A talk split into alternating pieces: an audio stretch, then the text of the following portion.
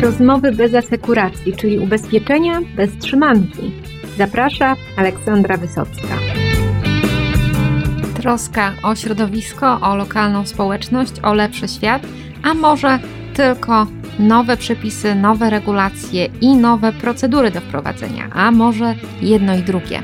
Jak ESG wpłynie na działalność ubezpieczycieli w Polsce i w regionie? O tym w dzisiejszym odcinku podcastu ubezpieczeniowego Rozmowy bez asekuracji. A moimi gośćmi są Irena Pichola z Deloitte, która odpowiada za zespół do spraw zrównoważonego rozwoju w Polsce i w Europie Środkowej oraz Dorota Macieja, członkini zarządu PZU Życie.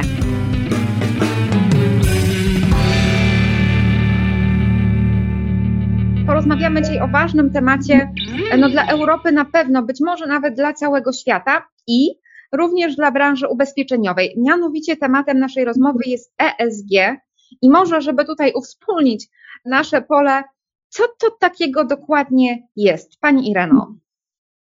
No dobrze, dziękuję przede wszystkim bardzo za zaproszenie i muszę przyznać, że jak człowiek się zajmuje tym tematem przez 20 lat, to tak pewnie trudno to w krótki, zwięzły sposób ująć.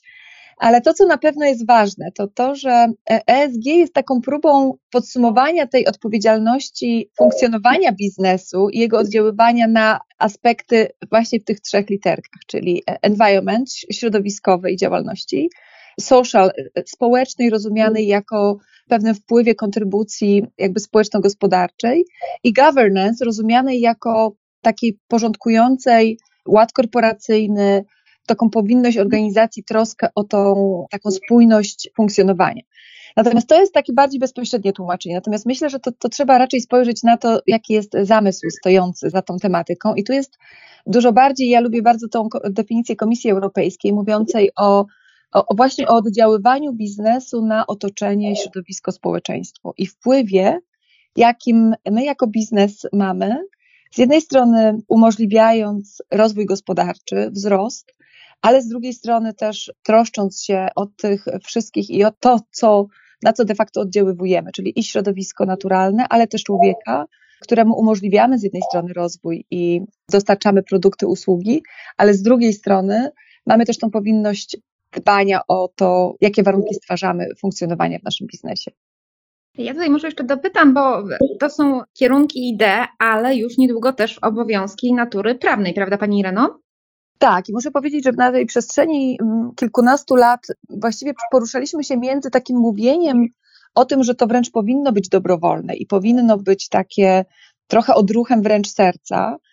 Natomiast ta retoryka się bardzo zmieniła i ona pokazała, że to, to nie jest tak, że to jest e, dobrowolna działalność biznesu, który powinien kontrolować swój wpływ na społeczeństwo i środowisko. To tak naprawdę zaczyna stawać się pewnym obowiązkiem prawnym czy regulacyjnym aby pewne aspekty w tej tematyce były jednak regulowane i żeby w pewnym sensie presja o zadbanie, o kontrolę, o takie pewne mechanizmy dobrego zarządzania w tym temacie przychodzą jednak z tym światem regulacyjnym. I to jest, myślę, bardzo ważne. I to po pierwsze wprowadza pewne definicje, które są bardzo pomocne, wprowadza pewne bardzo konkretne wymogi dotyczące ujawnień, które znowu mówią o tym, jedno to jest to, co jak robisz, ale drugie to jest też co mówisz otoczeniu na swój temat. I to cię też zobowiązuje, ale też cię zobowiązuje dlatego, że to ma coraz większe implikacje na wynik finansowy, na decyzje inwestorów, na decyzje świata finansowego.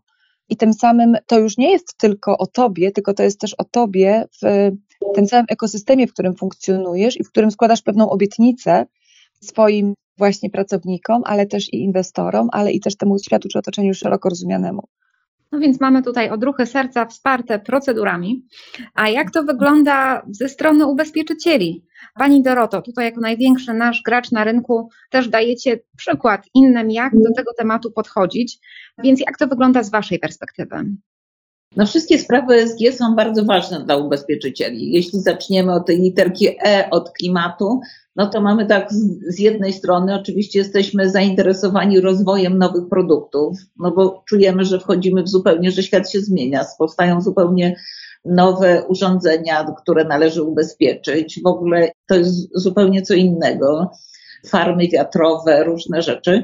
Z drugiej strony, no my jak mało kto jesteśmy zainteresowani tym, żeby nie dopuścić do tych gwałtownych zmian klimatycznych, bo oczywiście to my wtedy ponosimy największe straty, jeśli są powodzie, huragany, wichury, jakieś anomalie pogodowe, to wpływa też na uprawy i tak dalej, i tak dalej. My musimy to ryzyko związane z tymi zmianami klimatycznymi także szacować.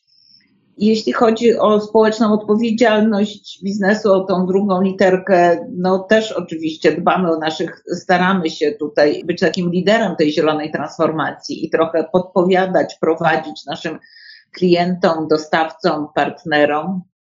Może najbardziej, najłatwiej jest nam w tym trzecim punkcie, w tym ładzie korporacyjnym, bo my od dawna już pewne dane niefinansowe ujawniliśmy. Mamy bardzo dobry podział zatrudnionych wedle płci, wręcz odwrotnie, niedługo będziemy musieli tutaj brać w obronę panów, bo mamy panią prezes PZUSA, panią prezes PZU Życie, PZU Zdrowie, także naprawdę wśród kadry kierowniczej, także ponad 50% stanowią kobiety. Mamy też bardzo takie różnorodne środowisko, bo mamy w zasadzie trzy pokolenia pracują ludzie młodzi, największy trzon to są tacy ludzie w wieku około 40 lat, no ale też ludzie w wieku takim emerytalnym, prawie emerytalnym. Także z tymi wyzwaniami też musimy sobie radzić. No jesteśmy przyzwyczajeni też do organizowania wielu takich działań prewencyjnych. Nie ustajemy w tych wysiłkach.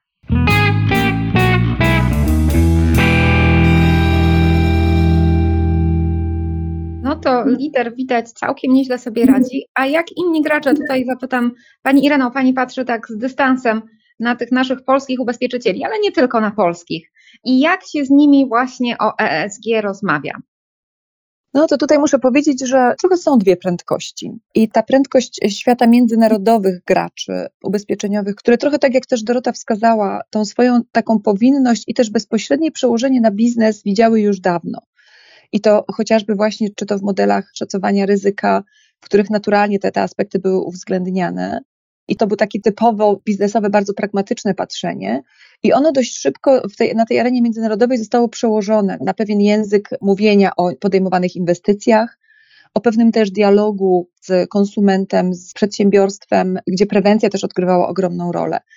Natomiast mam wrażenie, że w Polsce od jakiegoś czasu my też się jakby zaabsorbowaliśmy to myślenie. I tu nawiążę do dwóch rzeczy. Po pierwsze, ja myślę, że rola PZU i graczy, którzy są dojrzali i w taki dojrzały sposób na to patrzą, ma duże znaczenie na rynku, bo ona też jak to jest, że lubimy podążać za liderami, lubimy widząc i czytając, co się dzieje, jakie strategie, jakie deklaracje podejmują koledzy, gdzieś też za nimi podążać, ale ja też bardzo cenię i też od lat mamy okazję współpracować z Polską Izbą Ubezpieczeń. I muszę powiedzieć, że pracując z wieloma branżami, mam wrażenie, że ta branża jest jedną z lepiej skoordynowanych i naprawdę lepiej współdziałających.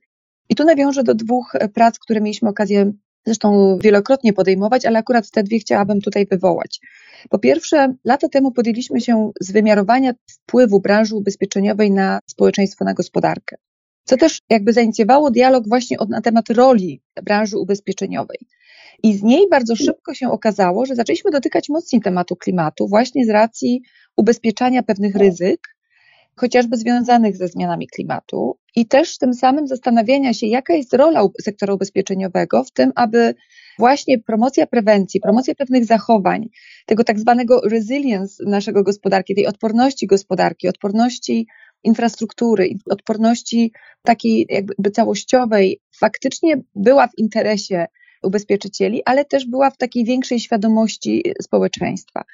I tutaj rozpoczęliśmy wtedy pracę nad drugim materiałem, który właśnie mówił o, nazwaliśmy go klimat ryzyka, i pokazaliśmy właśnie implikacje ryzyk klimatycznych na funkcjonowanie gospodarki i rolę w tym wszystkim ubezpieczycieli. I ja myślę, że to zainicjowało też tak naprawdę myślenie o tym, jaką rolę sektor ma do odegrania. Z jednej strony jako indywidualny podmiot, ale z drugiej strony, ile można zrobić razem. Bo można sobie powiedzieć, że pewne, nie wiem, modele patrzenia na ryzyka, ono się może odbywać oczywiście w zaciszu gabinetów zarządu i podejmujących decyzje w danym przedsiębiorstwie, ale może też być przedmiotem szerszej dyskusji. I miałam okazję prowadzić dyskusję panelową w trakcie ostatniego kongresu PIU, gdzie właśnie wspólnie z liderami sektora ubezpieczeniowego, ale też z KNF-em, ze światem nauki, opowiadaliśmy o tym, że tak naprawdę jakby interpretacją części wyzwań i przełożeniem tego na rolę sektora ubezpieczeniowego może być też czymś, czego się sektor podejmie wspólnie. Ja nie ukrywam, że jestem tutaj dużej nadziei, że właśnie te największe przedsiębiorstwa, które swoją pracę już częściowo wykonały i mają dużo do zaoferowania, podzielenia się, pokazania, regulator, który gdzieś wskazuje też pewne wytyczne i wskazówki, ale też i właśnie poszczególni gracze i międzynarodowi, i lokalni są w stanie połączyć siły i pomyśleć o tym, w jaki sposób to współdziałanie może spowodować, że na przykład myślenie o ocenie ryzyk klimatycznych w portfelu naszych ubezpieczanych, i nie oszukujmy się, że bardzo często no, wszyscy Państwo ubezpieczacie podobne podmioty i to będziecie za chwilę je dopytywać o podobne wskaźniki. Może jednak być też przedmiotem pewnej szerszej debaty i dyskusji i też może być tą rolą taką proaktywną sektora, który też pomoże przedsiębiorstwom czy też gospodarstwom domowym właśnie odpowiadać na te trudne pytania. Wymiarować inwestycje ubezpieczane według pewnych standardów, według pewnych wskaźników, które pozwolą te ryzyka lepiej szacować, a jednocześnie właśnie budować ofertę, która będzie zachęcała do transformacji, będzie zachęcała do stosowania zielonych rozwiązań, szukania efektywności energetycznej czy wszelkich innych operacyjnych efektywności w funkcjonowaniu przedsiębiorstwa, czyli będzie tym takim impulsem w dialogu ku transformacji zielonej. I myślę, że to jest takie największe życzenie, które tutaj mamy, i myślę, że mamy dużo do zaoferowania właśnie z tych skumulowanych doświadczeń i podmiotów międzynarodowych, i podmiotów już lokalnych, które też swoje definicje w tym zakresie i działania podejmują. No to przeszłyśmy tutaj płynnie do możliwości, jakie ESG daje i ubezpieczycielom, ale i całej e, gospodarce. No ale drugą stroną tego medalu to są tak zwane wyzwania, czyli to, z czym się zmagamy, z czym się będziemy zmagać, bo to nie jest takie wszystko... Przepraszam, że Pani przerywam, ale może jeszcze wracając do tego poprzedniego pytania, znaczy, że chciałam jeszcze podkreślić, jak strasznie dużo się zmienia wśród, no ja nie mam może takiego obrazu jak Pirena tutaj, jak to się w ogóle dzieje na rynku, ale no pracuję w dużej grupie i widzę, że to się zmienia i w PZU, i w PKOSA, i w Aliorze, że jeszcze rok temu w zasadzie no, świadomość SG była jakby nikła. Teraz jest to wszystko to niewiarygodne, jak wiele zdarzyło się w ciągu tego roku. Tutaj dzięki też współpracy z Deloitte opracowaliśmy naszą strategię, utworzyliśmy biuro, odpowiadamy tutaj na wiele regulacji. I wydaje mi się, że niedługo nadgonimy naszych y, kolegów z zachodu, ponieważ no, musimy wszyscy w tym samym czasie musimy wdrażać pewne rzeczy z różnych dyrektyw, rozporządzeń, z SDRF-u, z taksonomii. Także no jakby nie ma wyjścia i chciałam podkreślić tylko to tempo i dynamikę zmian. Też bardzo liczę na to, co mówiła pani Irena, na, taki, na tą wspólną pracę w ramach PIU. Dyrektor Biura Zrównoważonego Rozwoju w PZU Janna Gorczyca szefuje takiej grupie roboczej zrównoważonego finansowania w Polskiej Izbie Ubezpieczeń. Bierze także udział w pracach Rady Rozwoju Rynku Finansowego do spraw zrównoważonego finansowania. Także mamy nadzieję, że wspólnie opracujemy pewne wskaźniki, które będą no, takie porównywalne dla całej grupy. No, zadziało się dużo dobrego i po stronie PZU, i na rynku, i w Polskiej Izbie Ubezpieczeń, no ale nie wszystko jest proste. Jeszcze chciałam tu Pani Doroto dopytać, co w tym ubiegłym roku w pracach nad ESG było takim największym wyzwaniem dla PZU, z czym się zmagaliście? No oczywiście to jest w ogóle wplecenie, jakby łączenie tych wskaźników ESG do naszej polityki to już było duże wyzwanie. Oczywiście neutralność klimatyczną, którą sobie założyliśmy i która ma dotyczyć nie tylko nas, ale także naszych partnerów, dostawców, klientów, jest wielkim wyzwaniem. Na razie idzie nam całkiem nieźle, bo już osiągnęliśmy taką neutralność klimatyczną, którą teraz sobie jakby tam potwierdzamy. No, ograniczyliśmy bardzo nasze emisje, kupujemy energię ze źródeł odnawialnych, sukcesywnie wymieniamy flotę samochodową na samochody hybrydowe i elektryczne, a tych emisji, których tutaj zlikwidować się nie da, po prostu offsetujemy, współpracujemy z lasami państwowymi. Już rozpoczęliśmy pierwsze nasadzenia i około 100 hektarów lasu zniszczonego w czasie nawałnicy w 2017 roku odnawiamy. To pokryje jakby to, co wyprodukowaliśmy my jako grupa tutaj finansowa, zlikwiduje nasze CO2. I tutaj Pani Ireno, jeszcze chciałam o Pani spojrzenie dopytać o trudności ubezpieczycieli jako takich, co jest największą przeszkodą do sprawnego wdrażania tych wszystkich zmian związanych z ESG. To ja może tak, dwie rzeczy na szybko, bo tak po pierwsze na pewno bardzo chciałam jakby też potwierdzić to, co Dorota mówiła odnośnie tej dynamiki wdrażania tematu i edukacji kluczowej kadry menedżerskiej. I troszkę to myślę, że wcześniej było jedną z podstawowych barier brak z jednej strony świadomości i takiej edukacji w temacie, z czego też wynikał brak priorytetu. Ja myślę, że gdy ten impuls nie idzie od góry i on nie jest realną chęcią zintegrowania tej tematyki do decyzji biznesowych, do funkcjonowania w biznesie, to w pewnym sensie cokolwiek byśmy nie zrobili, to będzie ładnie wyglądało na papierze, ale to nie będzie realne. I ta pierwsza podstawowa bariera, mam nadzieję, że naprawdę stopniowo zostaje przełamywana. My sami mamy faktycznie przyjemność prowadzić w tej chwili wiele warsztatów czy spotkań edukacyjnych dla kluczowej kadry menedżerskiej. Dorota, myślę, że też warto wspomnieć, że w pracy nad strategią, no jednak zarząd się zaangażował i mieliśmy cotygodniowe spotkania zarządu, dyskutujące szczegółowo wskaźniki i poziom ambicji w konkretnych tematach, i to się toczyło przez dwa miesiące. Znaczy, takich procesów wcześniej nie było które naprawdę były żywym zainteresowaniem e, jakby kadry, która chciała się więcej dowiedzieć, nauczyć, móc mieć wpływ na decyzje i potem zdawała sobie sprawę z konsekwencji tego, co to może znaczyć we wdrażaniu. Czyli ta pierwsza bariera związana z takim tonem z góry, która no, w tej chwili myślę, że jest powoli przełamywana. Natomiast przechodząc już na bardzo taki praktyczny, pragmatyczny wymiar barier i też to odnosząc już do ubezpieczycieli specyficznie, to bym powiedziała, że są przynajmniej trzy rzeczy. Po pierwsze, musimy sobie zdawać sprawę, że regulacje będą wymuszały, i to jest chyba największa zmiana, faktycznie dużą kontrolę i takie świadome zarządzanie portfelem ubezpieczeniowym. I w tym portfelu będzie trzeba zadawać pytania i szacować ryzyka dotyczące pewnych danych i informacji, których po prostu ubezpieczyciele nie posiadają w tej chwili. Czyli to oznacza, że dostęp do informacji dotyczące pewnych wskaźników emisyjności, wskaźników związanych z wpływem na środowisko, cyrkularności, zużycia wody, zużycia zasobów naturalnych przez klientów sektora ubezpieczeniowego, no de facto tych informacji nie ma. Nie ma systemów, które by to mogły wspierać. I myślę, że żeby móc w pewnym sensie powiedzieć, jaki jest ten prawdziwy wpływ sektora ubezpieczeniowego na rozwój gospodarki i ten kierunek właśnie zielonej transformacji, no to będzie dostęp do informacji. Drugą w pewnym sensie barierą, trochę też z tego wynikającą, i to jest już szerzej, no to jest to, że ta wciąż świadomość i możliwość zarządzania tą informacją przez przedsiębiorstwa, szczególnie te mniejsze, wciąż jest bardzo ograniczona. Czyli my też, nawet jeśli będziemy już umieli zadawać dobre pytania, wciąż będziemy się zderzać z tym, że nie wszyscy będą umieli na nie odpowiedzieć. Czyli wciąż przed nami taka, myślę, długa podróż edukowania i brania na pokład nie tylko tych największych, którzy już ujawnienia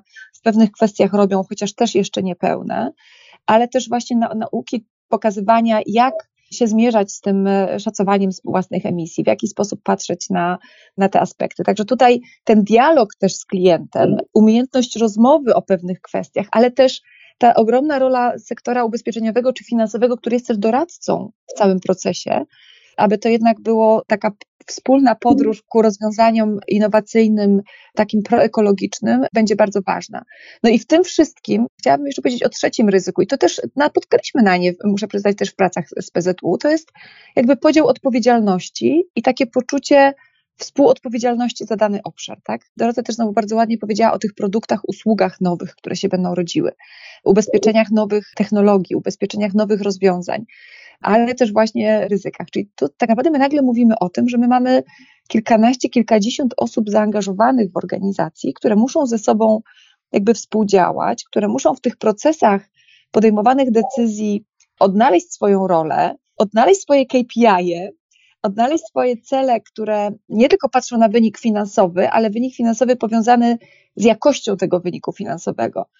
I to znowu jest coś, czego my znowu nie mamy w naszej kulturze organizacyjnej, można powiedzieć. Czyli tutaj jest nie tylko zmiana znowu edukacji, świadomości, pewnego dostępu do danych, systemów, ale też jakby kultury organizacyjnej współdziałania wymiany informacji i też takiej chęci odegrania roli w temacie. Myślę, że w tych spółkach, w których te procesy strategiczne, angażujące wielu i ten dialog, czasami trudny, czasem dyskusje, czasem trochę przerzucanie się odpowiedzialnością się odbywają, wtedy dochodzimy do pewnych rozwiązań. I wtedy tworzy się też ta literka G, czyli tworzy się struktura jakby ładu i takiej odpowiedzialności za dowiezienie pewnych wyników, zadbanie o tą transformacyjną rolę sektora i zadbanie o to, żeby te wyniki były tak samo ważne jak wyniki finansowe i wręcz z nimi też coraz częściej utożsamiane i ten wpływ jednego na drugie wskazywany. Także ja bym no, pokazała ten dość kompleksowy obraz wyzwań, ale takich właśnie bardzo bym powiedziała jednak optymistycznych, bo te procesy się rozpoczęły.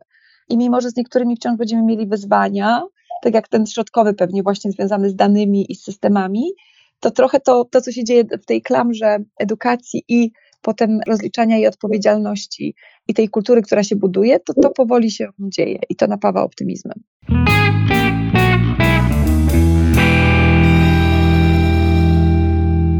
To, co jeśli bym mogła od strony tutaj takiej praktycznej dopowiedzieć, no to to jest o tyle trudne, że no ESG to nie jest jedno biuro. To tam, gdybyśmy nawet zatrudnili 100 czy 200 osób w tym biurze, a oczywiście pracuje kilka, no ale zakładając, że, że tych osób jest mnóstwo, to one i tak sobie nie poradzą ze wszystkim. To jest taki proces, który po prostu musi objąć całą organizację.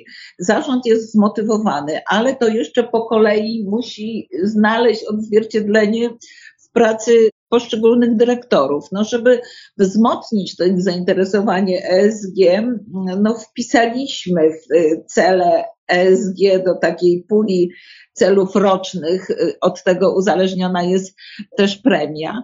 No ale oczywiście ESG musi zajmować się i biuro produktów, i TFI, bo tu musi być zielone, tu musi być wyszukiwanie jakichś inwestycji odpowiednich, także biuro ubezpieczające duże zakłady i pewna oferta dla sprzedawców, także mm, ciągle nasze spotkania to są w zasadzie no, takie wielkie, przekrojowe, których trzeba w takiej strukturze poziomej angażować firmę, co wszyscy wiedzą, że to zawsze jest takie trudniejsze, wymagające większych takich zdolności negocjacyjnych, dyplomatycznych, żeby tą pracą się nie przerzucać, prawda, tylko mieć ten cel i razem dążyć do jego osiągnięcia.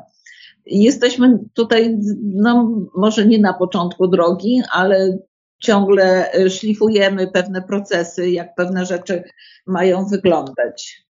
No wydaje mi się, że to jest optymistyczne, kiedy organizacja tak duża, tak złożona ma pretekst, żeby ze sobą porozmawiać. Może czasem e, iskry zielone lecą, ale ten dialog wydaje mi się e, będzie przynosił wartość dodaną w różnych obszarach, nie tylko tych zamkniętych w trzech literach ESG, więc bardzo mi miło słyszeć, że tyle rozmów się u Was odbywa.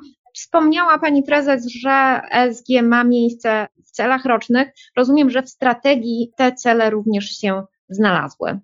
Tak, tak. Znaczy po raz pierwszy uchwaliliśmy strategię ESG. Ich najważniejsze takie kluczowe wskaźniki znalazły się w tej dużej strategii całej mm, firmy dotyczące neutralności klimatycznej, liczby odbiorców takich różnych naszych działań społecznych. Założyliśmy oczywiście, że 100% naszej kadry kierowniczej ma uwzględnienie celu ESG w celach strategicznych spółki. Obiecaliśmy też, że 55% największych korporacyjnych klientów ubezpieczeniowych z sektorów wrażliwych na ryzyko ESG będzie ocenianych pod kątem tych właśnie czynników. W trakcie trwania tej strategii 70% naszych pracowników ma być objętych tym programem well-being. Jak wiecie na pewno, no to bardzo dużo się zmienia, bo i praca zdalna, i hybrydowa, i właśnie to współdziałanie w czasach pandemii to jest wielkie też wyzwanie dla mm, Biura Zarządzania Kadrami. No i też oczywiście już to realizujemy. 75% takich kluczowych procesów zakupowych będzie uwzględniało kryteria ESG. No to rzeczywiście transformacja jest na wielu poziomach, e, dużo się dzieje. No i na koniec naszej dzisiejszej rozmowy chciałabym obie Panie zapytać o takie dobre praktyki, co się sprawdza, co warto realizować i w jaki sposób, co działa. Może Pani Ireno, od Pani zaczniemy. To ja może troszkę zacznę bardziej przekrojowo, bo o tym jeszcze dzisiaj nie powiedzieliśmy, że tak naprawdę dość dużo dzieje się w, w takiej sferze dzielenia się informacją i, i takiej trochę wzajemnej inspiracji. W kontekście też międzynarodowych, różnych wytycznych, wskazówek. I tutaj chciałam wskazać na kilka takich inspiracji, które z tego rynku międzynarodowego przychodzą. I tu z jednej strony UNEP FI, który właśnie ma takie specjalne spojrzenie na branżę ubezpieczeniową i w której pokazuje, co można robić, jak się zmierzać z tymi wyzwaniami, chociażby w, w temacie oceny ryzyk klimatycznych. Czy materiał, który ostatnio wydaliśmy wspólnie z Cambridge w temacie właśnie innowacji produktowych w tej dobie transformacji zielonej. Czyli ja bym mimo wszystko bardzo zwróciła uwagę na taką wzajemną inspirację i kooperację rynku, dlatego że wydaje mi się, że tak naprawdę mamy wspólnie jako społeczeństwo, jako gospodarki ogromne wyzwanie zmierzenia się z wyzwaniami klimatycznymi i jakoś tak mam poczucie, że branża ubezpieczeniowa może być w takim szczególnym miejscu w tej misji. Właśnie dlatego, że z jednej strony zabezpiecza te ryzyka klimatyczne także w, w swojej działalności i stara się jakby swoją ofertą produktową i takim wsparciem w tym zakresie jednak odpowiadać na nie, ale z drugiej strony jest faktycznie no bezpośrednio bardzo zainteresowana wszelkimi działaniami prewencyjnymi, ze sfery tego właśnie takiego resilience, odporności miast, regionów, wczesnego ostrzegania i, i takim moim marzeniem jest, aby faktycznie przyjęła taką bardziej aktywną rolę w tym temacie. I wydaje mi się, że gdy sektor szeroko rozumiany finansowy, ale właśnie też ubezpieczeniowy bardzo mocno poczuje tą odpowiedzialność i to bezpośrednie przełożenie na swój własny interes też, to może zacząć odgrywać w naszym społeczeństwie i gospodarce naprawdę ogromną rolę takiego dodatkowego impulsu. I to impulsu, który będzie szedł właśnie do tych małych i średnich przedsiębiorstw, do sektora samorządowego, który jednak wciąż jest też właścicielem dużej części infrastruktury w naszej gospodarce, nawet do sektora właśnie, czy bardziej jakby tych gospodarstw domowych, które też wciąż tej edukacji i, i takiej pomocy potrzebują. Chwilę temu skończyliśmy projekt z Ministerstwem Klimatu i Rozwoju w temacie takiego patrzenia, jak jest realizowany program Czyste Powietrze w naszym kraju i nie ma wątpliwości, że mamy wciąż dużo do zrobienia.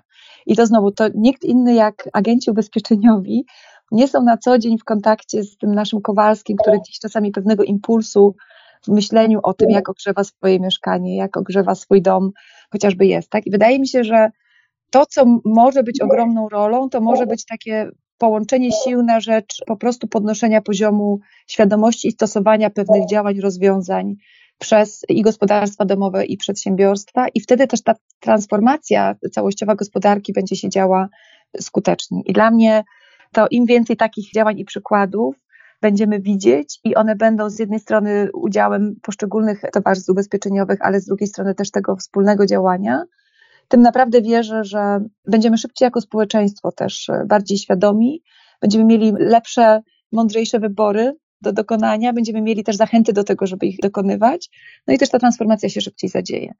Także ja bym na to bardzo zwróciła uwagę, jednak tak trochę bardziej może ideologicznie i przekrojowo, ale też bardzo to przerzucając potem na biznes i na produkty, na usługi i na rolę tego codziennego kontaktu, którym sektor ubezpieczeniowy jest z właściwie każdym z Polaków.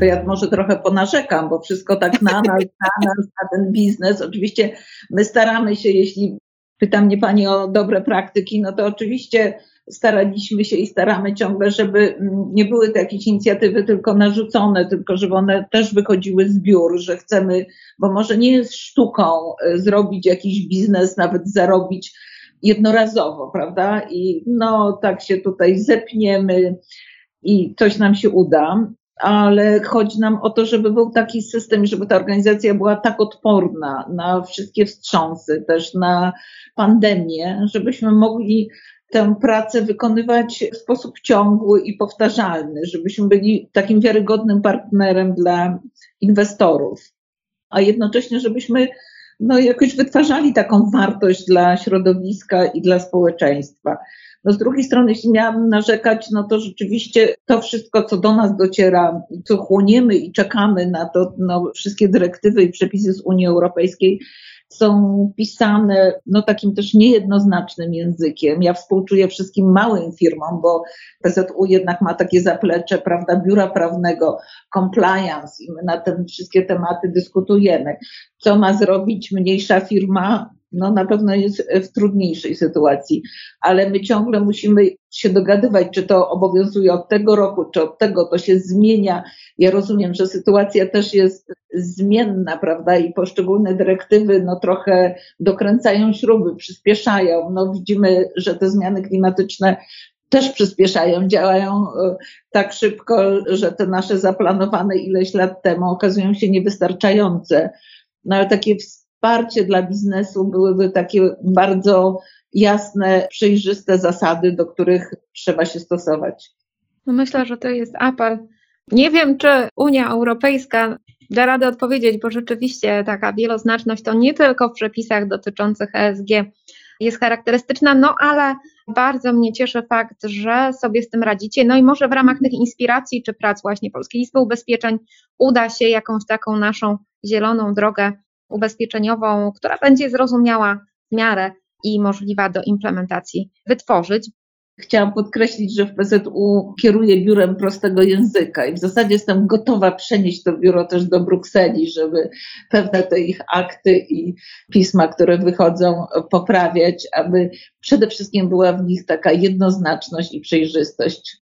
Pani Irena, ostatnie słowo do Pani należy. To ja może tak trochę na zachętę, przykładem tej opowieści, którą Dorota też się podzieliła w, w kontekście prac strategicznych, zaangażowania zarządu z perspektywy PZU, taka wielka zachęta dla towarzystw ubezpieczeniowych tutaj w Polsce i też no, dla nas, jako dla sektorów w ogóle w gospodarce, do tego, aby faktycznie strategicznie przymierzyć się do tematu, żeby zdefiniować ten zakres swojej ambicji, aby zaangażować szeroko rozumianą kadrę menedżerską i te poszczególne funkcje sobie zdefiniują swoją rolę w temacie i które też, i to, to jest może wątek, którego nie podniosłyśmy tutaj, które też będą miały z tego ogromną satysfakcję, bo trzeba powiedzieć w tym wszystkim, że dla ludzi, i to też robiliśmy badania Climate Sentiment Index, które pokazało, że 77% społeczeństwa w Polsce jest już świadome zmian klimatycznych i jest też świadome potrzeby działania. I ja myślę, że w takiej codziennej satysfakcji z pracy dla coraz większej ilości osób, nie tylko młodych, ta możliwość zajęcia się ważnym tematem i tego, żeby moje miejsce pracy i rola, którą pełnię, też przyczynia się jednak do czegoś ważnego, zaczyna mieć coraz większe znaczenie. Czyli taka trochę zachęta, zabierzmy się za robotę, uwierzmy, że to jest też świetna przestrzeń takiej mobilizacji, motywacji e, zarządczej osób, ale też inspirowania ich i dawania poczucia jakby sensu tego, co na co dzień robimy i gdzie osiągamy wyniki biznesowe, gdzie osiągamy efekty, ale gdzie tak naprawdę mamy też satysfakcję z tego, co robimy na co dzień. I mam nadzieję, że ci, którzy z Państwa patrzą na to tylko jako na obowiązek regulacyjny, zobaczą, że w momencie, kiedy się ten proces uruchamia w organizacji, on też uruchamia wiele bardzo dobrej energii i chęci współpracy i działania i takiej kontrybucji do czegoś, czy takiego współdziałania na rzecz ciekawych, naprawdę i ważnych tematów i takich bardzo nowoczesnych, bardzo idących z duchem czasu. Chętnie się o nich opowiada w domu, chętnie się o nich opowiada dzieciom. Ja myślę, że to jest szalenie ważne też tak z perspektywy już takiej naszej codziennej dumy i satysfakcji z tego, co robimy.